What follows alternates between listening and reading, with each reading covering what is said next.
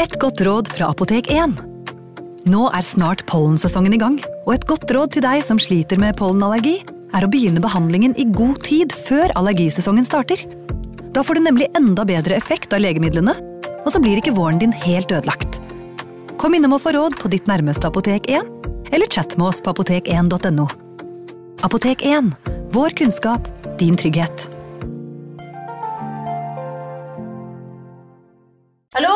Jeg kommer fra Oslo politikammer. Ine Jansen er purk. Er du purk? The motherfucking bitch. Alt jeg vil, er å finne ut hva som skjedde med mannen min. Jon Carew. Er jeg sikta for noe? Iben Akeli. Det er du. Ole So, Lars Berrum og Big Daddy Karsten. Hvem sin side er du på, egentlig? Anette Hoff, Tone Danielsen, Kommer du fra Afrika? Jørnis Josef, Nesten kløfta. Trond Espen Seim, Det er synd å si det, men det var feil mann som døde. Purk. Premiere tirsdag på TV2 Play. Ungsamtalen fra DNB er økonomisk veiledning tilpasset deg som er ung. Bokk en ungsamtale på dnb.no. slash ung. Det er kjempebra hvis du skal inn på boligmarkedet, hvis det er drømmen din, liksom. Det er det du skulle sagt. Og så kunne du ropt litt mer, da, sånn som jeg gjorde. Bam! Advarsel.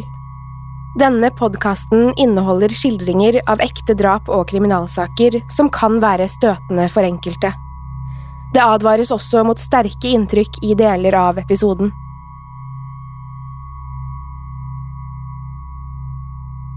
Klokken var tre på natten, og det nærmet seg slutten på en lang dag for politibetjent Bob Hayward. Det hadde vært en rolig kveld i det stille boligområdet da en beige folkevogn passerte politibilen hans. Hayward kjente området godt, men dro ikke umiddelbart kjensel på bilen.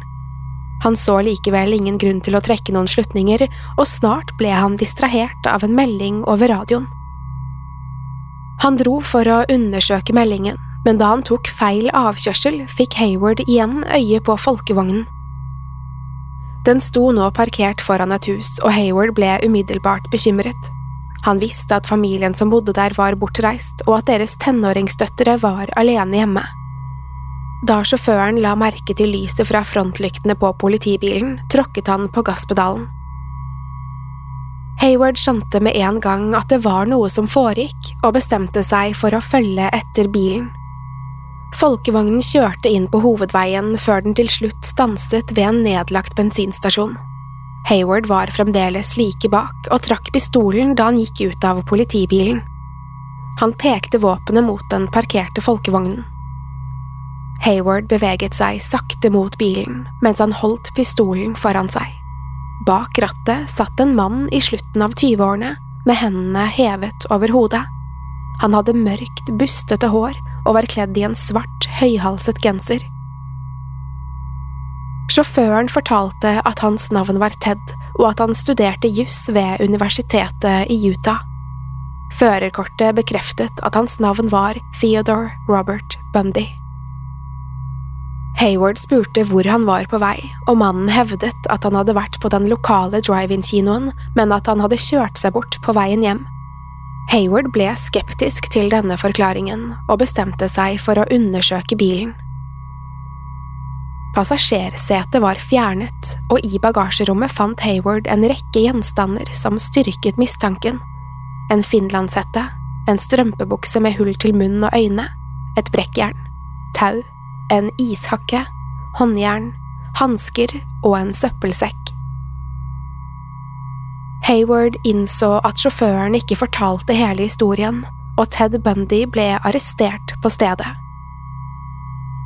Snart fikk det lokale politiet grunn til å tro at Bundy kunne være knyttet til flere forbrytelser. Håndjernet i bilen ble nemlig knyttet til en tidligere sak der en ung kvinne så vidt hadde overlevd et grusomt angrep. Den 8. november 1974 hadde Carol DeRange kjørt til et kjøpesenter i Salt Lake City. Hun var på vei til en bokhandel da hun støtte på en mann som hevdet å være en politibetjent. Han informerte Carol om at noen hadde forsøkt å bryte seg inn i bilen hennes. Den fremmede mannen luktet svakt av alkohol, og han kjørte en folkevogn boble. Likevel så ikke Carol noen grunn til å tvile på historien hans. Politiskiltet hans så ekte ut, og han hadde tross alt oppsøkt henne midt på et travelt kjøpesenter. Til tross for de mange historiene om forsvunne kvinner, følte Carol seg trygg. Den fremmede mannen ba Carol bli med til politistasjonen, og hun satte seg frivillig inn i folkevognen. Carol begynte å få en ekkel følelse mens de kjørte vekk fra parkeringsplassen. Etter noen hundre meter stanset han bilen like ved en barneskole. Det var først nå Carol merket at det ikke var noe dørhåndtak på passasjersiden. Den ekle følelsen var nå i ferd med å utvikle seg til full panikk. Før hun visste ordet av det, hadde den fremmede mannen festet et håndjern rundt hennes venstre håndledd.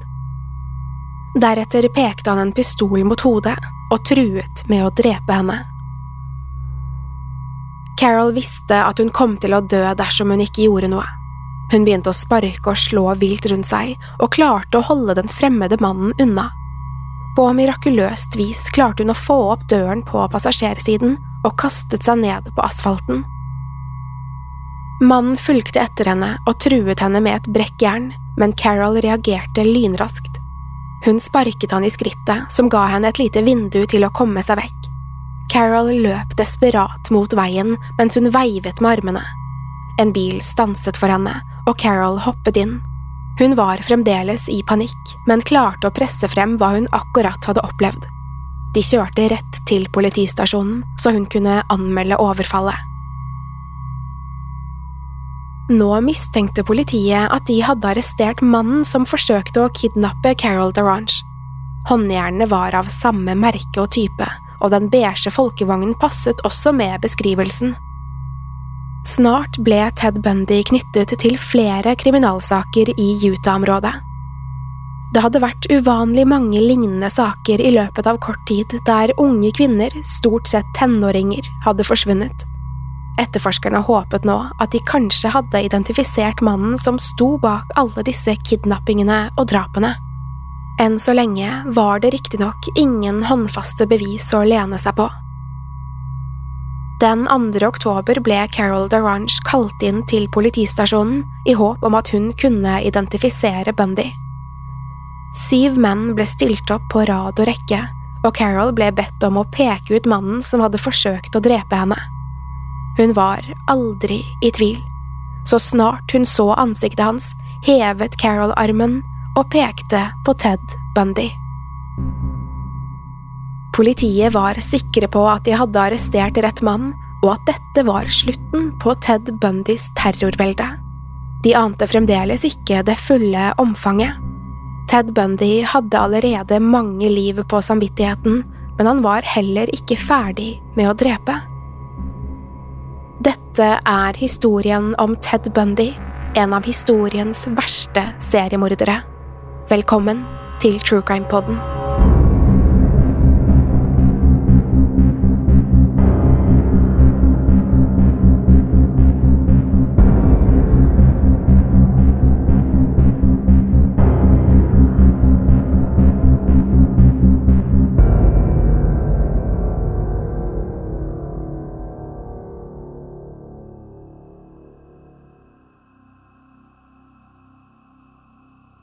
Theodore Robert Bundy ble født den 24. november 1946 i Burlington i Vermont.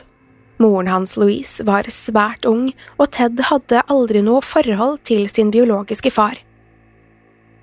Ted vokste opp i sine besteforeldres hjem i Philadelphia i troen om at de var hans foreldre og Louise hans storesøster.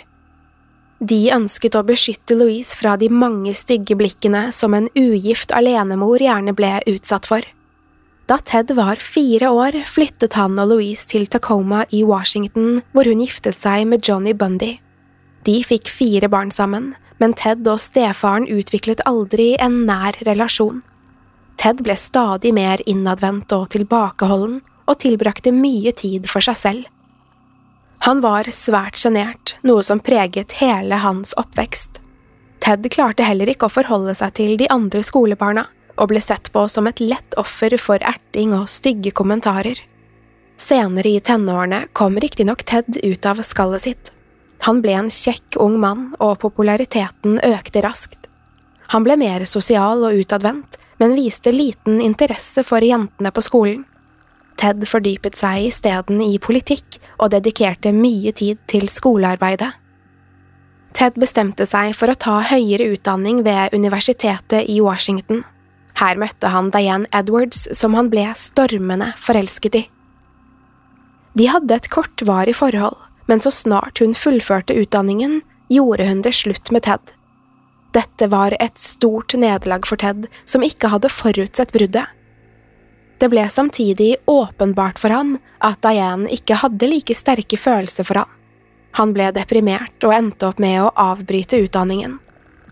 De holdt kontakten, men han forsto etter hvert at Diane var ferdig med forholdet. Ted derimot slet med å komme seg videre. Frem til dette hadde Teds liv vært en stor løgn. Louise hadde alltid vært hans eldre søster, men sannheten skulle til slutt komme frem. 23 år gammel innså Ted at Louise i realiteten var hans biologiske mor. Samtidig begynte Ted å vise en mørkere side. Fra barndommen hadde sjenertheten definert personligheten hans, men nå var en annen del av Ted i ferd med å komme til overflaten. Det begynte med små, relativt harmløse hendelser, men nasking og tyveri skulle snart erstattes med mer forstyrrende atferd. Den innesluttede og tilbakeholdne gutten hadde forsvunnet, og igjen sto en langt mer selvsikker og bestemt ung mann. Ted dro tilbake til universitetet med en ny giv, fast bestemt på å fullføre en psykologigrad. Ted møtte og forelsket seg i Elizabeth Clofer, som snart skulle bli hans kjæreste. Elizabeth var en ung alenemor, og forholdet skulle vare i nesten fem år. Hun ville gjerne slå seg til ro med Ted, men denne gangen var det han som var usikker. Ted hadde fremdeles kontakt med Diane Edwards, og selv om hun ikke var interessert i et forhold, klarte han ikke å glemme henne. Elizabeth ga likevel ikke opp håpet om at Ted en dag ville gifte seg med henne. Etter hvert bestemte Ted seg for å studere juss og søkte på flere universiteter. I løpet av de siste årene hadde han utviklet seg til å bli en målrettet og seriøs ung mann. Han jobbet frivillig på valgkampanjer og fikk venner med stor politisk innflytelse. Lett ironisk er det også at han jobbet på et krisesenter hvor en av oppgavene var å snakke med unge mennesker med selvmordstanker.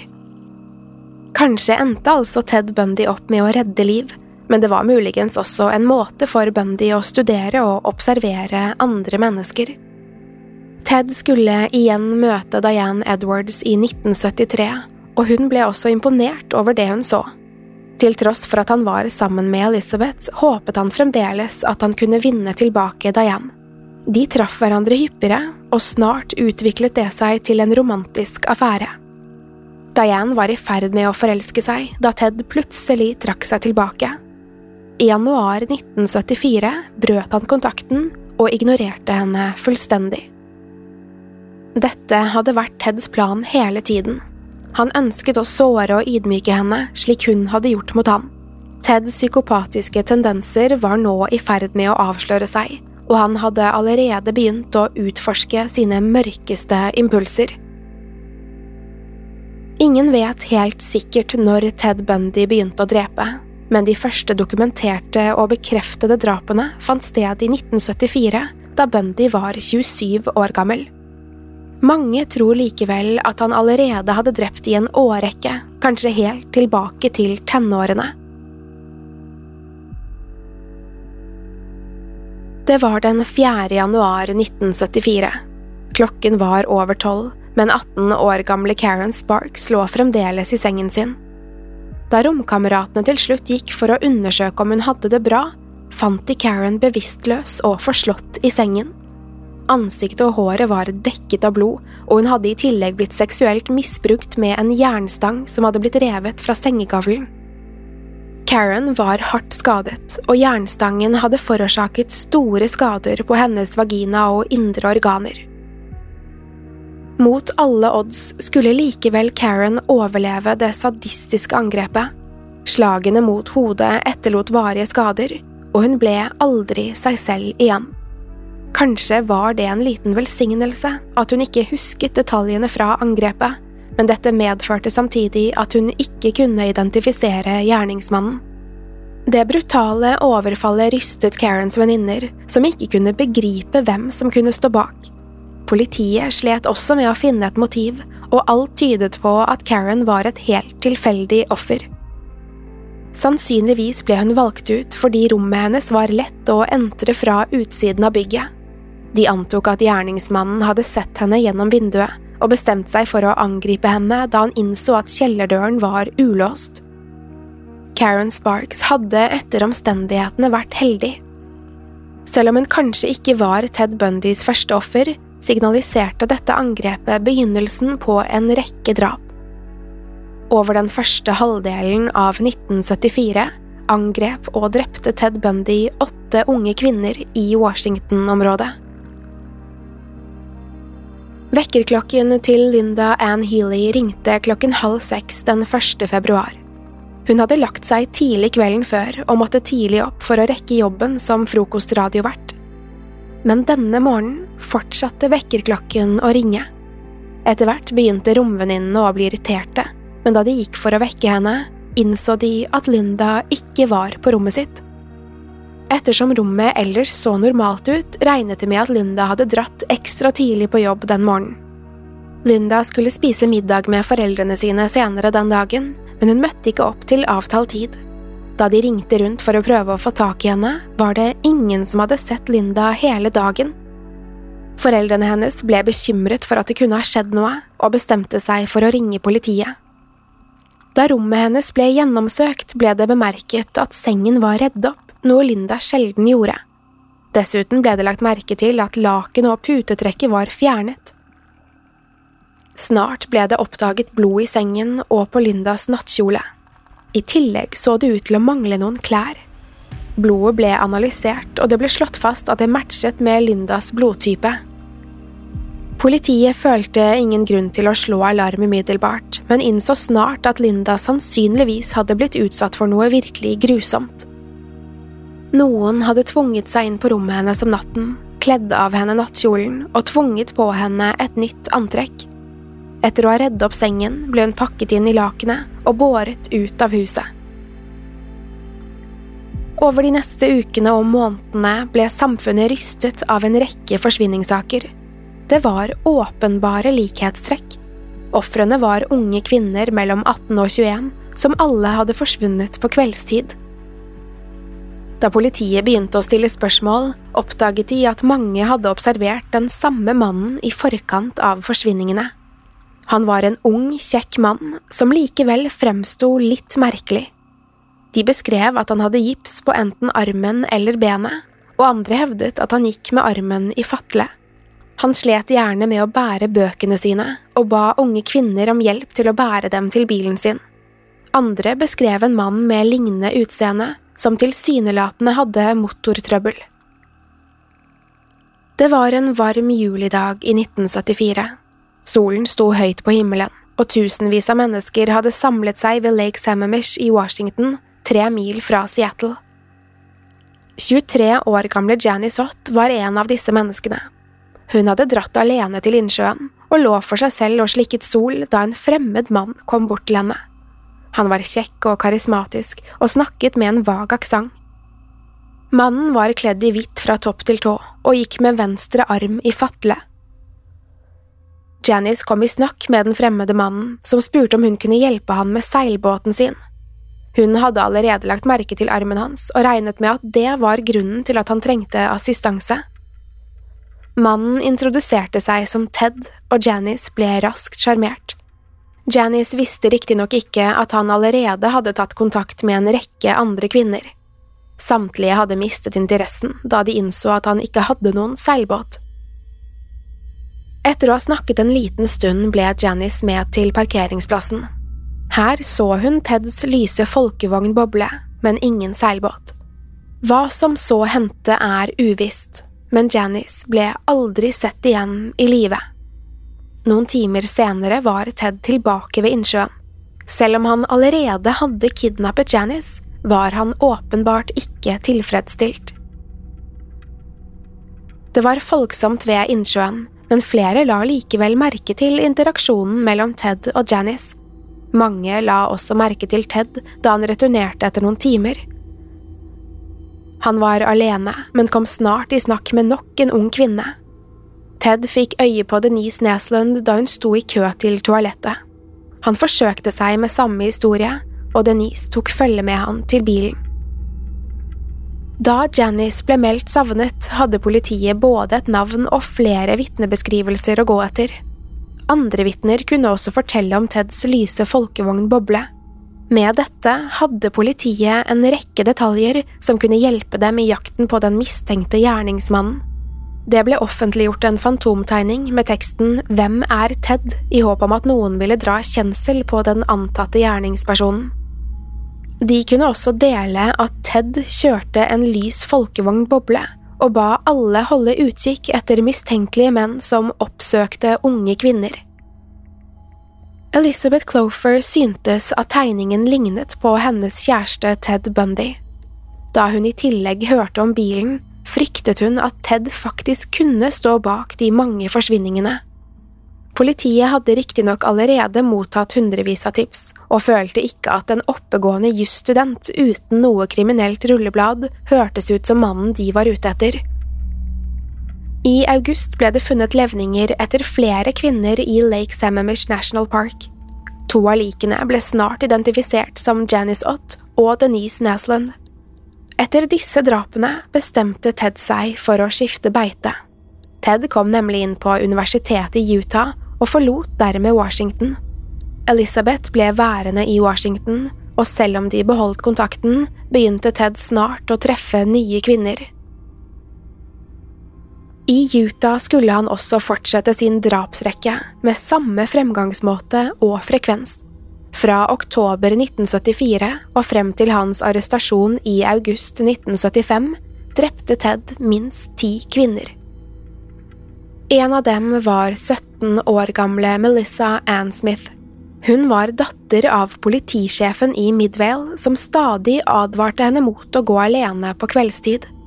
Melissa forsvant plutselig den 18. oktober 1974 da hun var på vei hjem fra en pizzasjappe. Hun ble funnet ni dager senere og hadde åpenbart blitt utsatt for sadistiske overgrep. Melissa hadde blitt seksuelt misbrukt før hun ble kvalt til døde. Rapportene antydet at hun kanskje ble holdt i live i syv dager etter forsvinningen.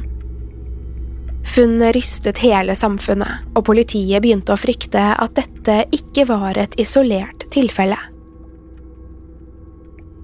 Stadig flere unge kvinner forsvant i Utah, for så å bli funnet drept og utsatt for lignende seksuell og voldelig sadisme.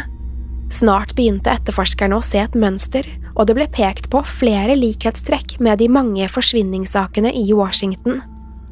Etter hvert ble etterforskerne sikre på at mange, om ikke alle drapene, var utført av samme mann. Jakten på Ted var nå deres øverste prioritet. De innså at drapene ville fortsette, helt til de identifiserte og arresterte gjerningsmannen. Samtidig ble Ted Bundy mer selvsikker og vågal i sin fremgangsmåte. Carol Darange skulle bli en av få kvinner som overlevde sitt møte med drapsmannen. Da hun ankom politistasjonen, hadde hun fremdeles håndjernet rundt håndleddet. Hun fortalte om møtet med mannen, som hadde utgitt seg for å være politi, for å så lure henne inn i bilen sin. Politiet dro for å lete etter gjerningsmannen, men han hadde for lengst forsvunnet. Hun ga riktignok en detaljert beskrivelse av Ted og den lyse folkevognen hans. Over de neste månedene ble levningene etter flere unge kvinner funnet i Taylorfjellene i Utah. Drapsmetoden var nesten alltid den samme. De hadde blitt slått i hodet med en stump gjenstand, i mange av tilfellene et brekkjern. Mange av dem hadde også blitt utsatt for grove seksuelle overgrep. Til tross for flere vitnebeskrivelser, fantomtegninger og observasjoner var ikke politiet noe nærmere å avsløre gjerningsmannen. Elizabeth Clofer klarte ikke legge fra seg den vonde følelsen hun fikk da hun hadde sett fantomtegningen av Ted. Da hun begynte å lese om forsvinningene og dødsfallene i Utah, så hun igjen en mulig sammenheng. Hun syntes særlig at det var påfallende at dødsfallene sammenfalt med at Ted flyttet fra Washington. Ted Bundy var allerede på politiets liste over mistenkte, men vitner fra Lake Sammamish-drapene hadde ikke klart å identifisere han, og det var fremdeles ingen bevis som knyttet han til noen av åstedene. Etter at Ted Bundy ble arrestert i 1975, skulle Elizabeth igjen snakke med politiet. Hun fremsto ukomfortabel, men var likevel samarbeidsvillig. Elizabeth kunne fortelle at Ted ofte hadde dratt ut om kveldene, og at hun ikke kunne redegjøre for hva han gjorde. Hun fortalte om deres relasjon, og hvordan han kun virket interessert i røff sex og sadomasochistiske fantasier. Da hun ikke hadde vært like åpen for dette, så han ut til å miste interessen. Dette hadde etter hvert gått utover forholdet. Snart ble også Teds første kjærlighet, Diane Edwards, kalt inn til avhør. Hun fortalte om hans skiftende atferd og hvordan han plutselig hadde avsluttet forholdet. Politiet innså at han hadde vært sammen med Elizabeth og Diane samtidig, som hintet om at Ted allerede levde et dobbeltliv. Politiet mottok nå tips som hjalp dem med å knytte Ted Bundy til flere av drapene. Det kom også frem at han hadde tilbrakt mye tid i Taylorfjellene, hvor flere av ofrene i Utah ble oppdaget. Dødsfallene så ut til å følge Ted Bundy, og han ble stadig identifisert av nye vitner som kunne plassere han på de ulike åstedene. Selv om bevisene begynte å samle seg mot Ted Bundy, hevdet han fremdeles sin uskyld. Etterforskerne var likevel sikre i sin sak, og Ted Bundy ble til slutt tiltalt for kidnappingsforsøket på Carol DeRange. Da rettssaken begynte i februar 1976, var Ted Bundy rolig og fattet.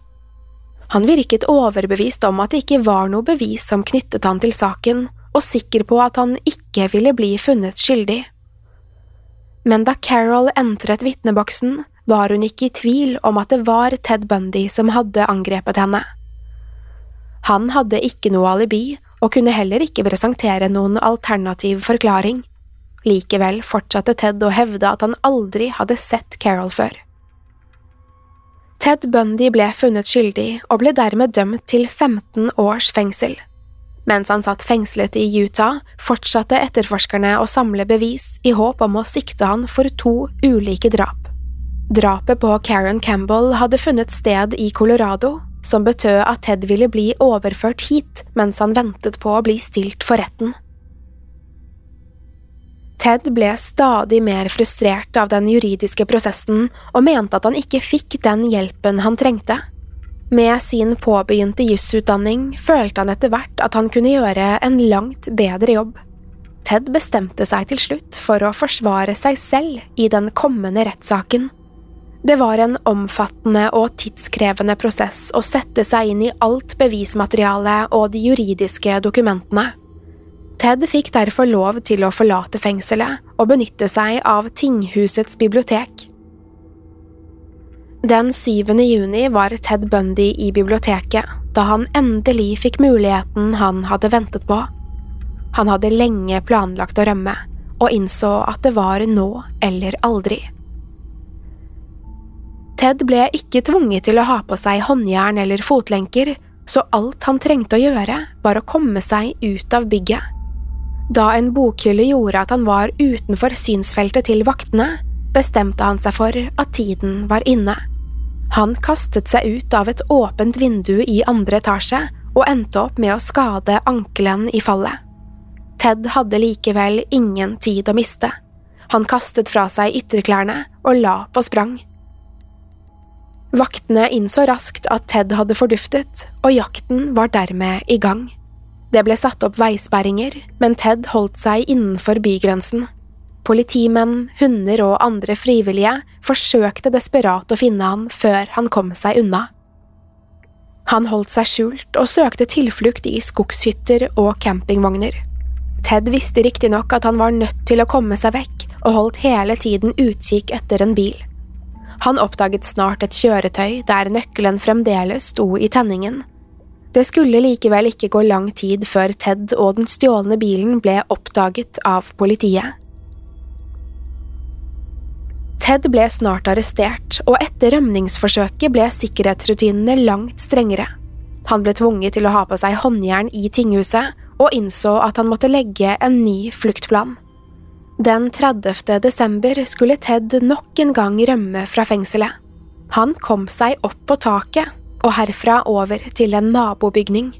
Han fant en takluke, tok seg inn i bygget, og da han innså at kysten var klar, ned på bakkeplan. Det skulle ta over 15 timer før noen innså at Ted hadde forsvunnet fra fengselet. Ted var allerede på vei mot Florida, hvor han under navnet Chris Hagen skulle slå seg ned i en ettromsleilighet. Med dette var han igjen en fri mann, og Ted følte at han trygt kunne spasere i gatene uten å bli gjenkjent. Selv om han hadde fått en ny sjanse, hadde ikke Ted noen planer om å forandre seg. Han ble fremdeles trukket mot de lokale universitetene, hvor han visste at han ville finne unge, attraktive kvinner. Snart skulle impulsene igjen ta kontroll over han. Klokken var tre på natten den 15. februar 1978 da Nita Neary kom hjem fra en fest. Hun skulle til å entre huset hun delte med flere andre studenter, da hun innså at ytterdøren sto vidåpen. Nita gikk inn i huset, da hun hørte fottrinn fra toppen av trappene. Lynraskt gjemte hun seg idet hun så en mann komme løpende ned trappen. Hun trodde først det var en innbruddstyv og løp opp for å vekke de andre jentene, men snart forsto hun at dette ikke var et vanlig innbrudd. En av Nitas romkamerater, Karen, kom snart ned gangen. Hun var dekket av blod, men fremdeles i live. Snart fant hun Cathy, som også hadde blitt angrepet med en stump gjenstand og etterlatt med stygge hodeskader. Ytterligere to unge kvinner hadde blitt angrepet den natten. Begge lå fremdeles i sengene sine og skulle aldri våkne igjen. Etterforskerne ankom snart og ble sjokkert av funnene. De fastslo at en mann hadde entret huset på nattestid og angrepet jentene mens de sov. De hadde tilsynelatende blitt slått i hodet med en vedkubbe, og et av ofrene, Lisa Levy, hadde i tillegg blitt kvalt og seksuelt misbrukt. Utover dette fant de bitemerker på hennes rumpe og bryster. Bittene var så dype at brystvorten nesten hadde blitt revet av. Skadene på underlivet viste at hun hadde blitt penetrert med en flaske med hårspray. Margaret Bowman døde av slag mot hodet og hadde blitt kvalt med en strømpebukse, men hadde verken blitt seksuelt misbrukt eller bitt av gjerningsmannen. Det var ingen tegn til kamp som antydet at både Lisa og Margaret ble angrepet og drept mens de fremdeles sov. Margarets skader var så omfattende at hodeskallen var knust. Ingen av de overlevende kunne likevel umiddelbart identifisere gjerningsmannen. Nita hadde kun sett ham løpe ned trappen mens ansiktet hans var tildekket. De andre jentene hadde blitt angrepet i søvne og så aldri gjerningsmannen skikkelig. Ted Bundy viste her en ny og enda mer aggressiv side. Og selv om han allerede hadde tatt to liv den kvelden, var han fremdeles ikke tilfredsstilt. En snau kilometer fra forrige åsted entret Ted leiligheten til Cheryl Thomas. Da en nabo hørte et forferdelig bråk etterfulgt av høye stønn, bestemte hun seg for å kontakte politiet. Da politiet ankom leiligheten, satt Cheryl oppreist i sengen. Ansiktet hennes var blodig etter flere kraftige slag mot hodet, men hun var fremdeles i live. På soverommet hennes fant de en maske laget av en strømpebukse, og det var sædflekker på sengen.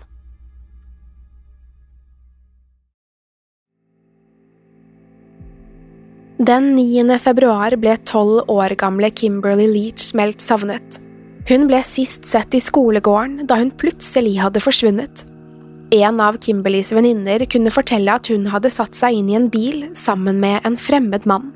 Men hun var ikke i stand til å identifisere mannen eller beskrive bilen han kjørte. Levningene etter Kimberley ble funnet åtte uker senere. Politiet mottok snart meldinger om lignende hendelser, hvor en mann i en hvit varebil hadde forsøkt å lokke med seg unge jenter. En 14 år gammel jente kunne fortelle om en ubehagelig opplevelse med en mann som utga seg for å være fra brannvesenet. Hun avviste han, men han fortsatte likevel å plage henne. Storebroren hennes ankom snart, og han ble også skeptisk til den plagsomme mannen. Han noterte registreringsnummeret på bilen og bestemte seg for å gi dette til faren, som jobbet som politietterforsker i Jacksonville. Faren ble umiddelbart bekymret da han hørte om den hendelsen.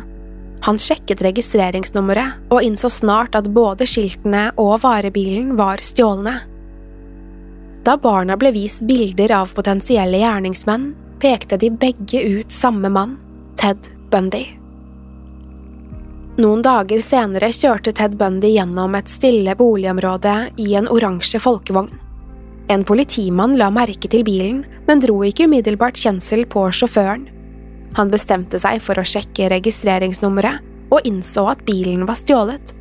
Politimannen skrudde på sirenene og kjørte etter folkevognen.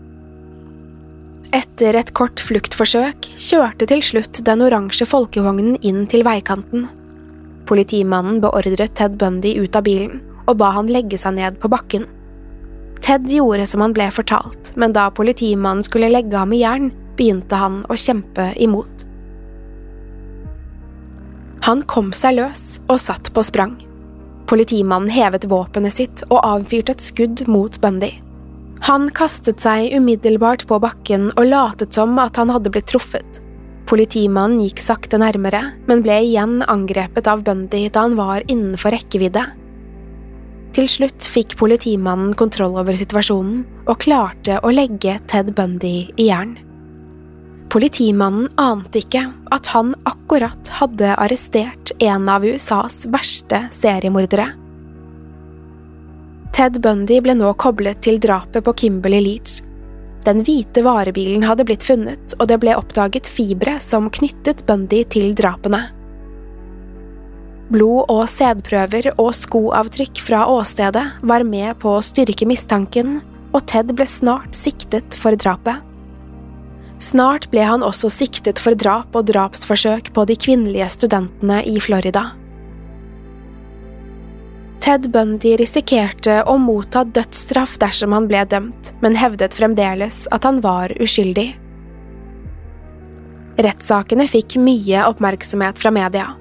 Ted Bundy var mistenkt for 36 drap på tvers av fire ulike stater, og mange ønsket nå å se rettferdigheten seire.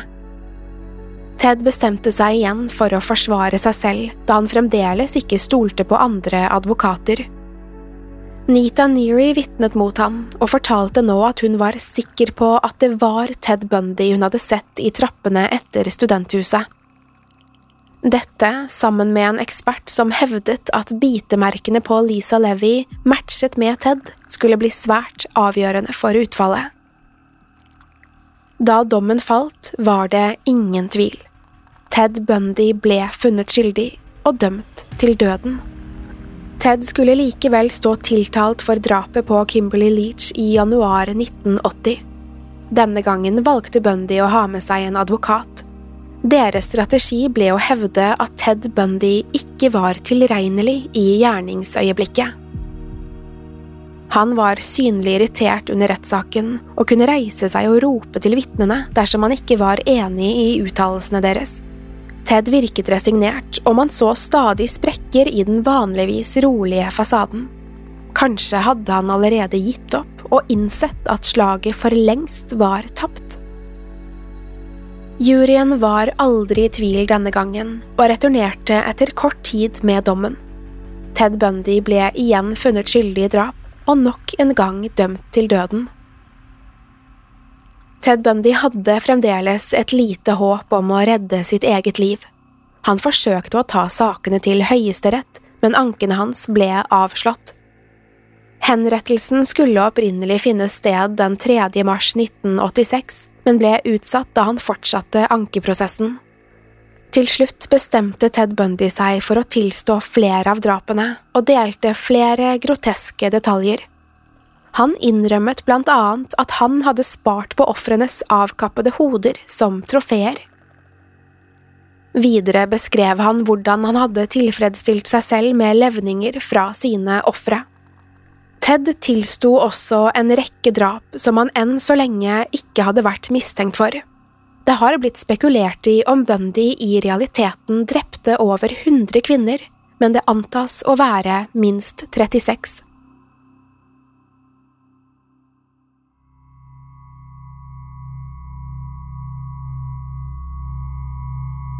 Den 24. januar 1989, rundt klokken syv på morgenen, skulle Ted Bundy forlate denne verden.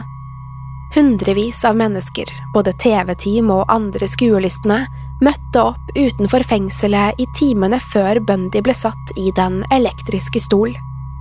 Det var som en folkefest der alle gledet seg til å ta et siste farvel med Bundy. De danset og sang, mens en liten gruppe protestanter forsøkte å vise sin avsky. Hans siste ord var en hilsen om kjærlighet til sine venner og familie, og vitnet ikke om monsteret som hadde drept utallige kvinner. Da Ted Bundy ble erklært død, steg jubelen til værs utenfor fengselet.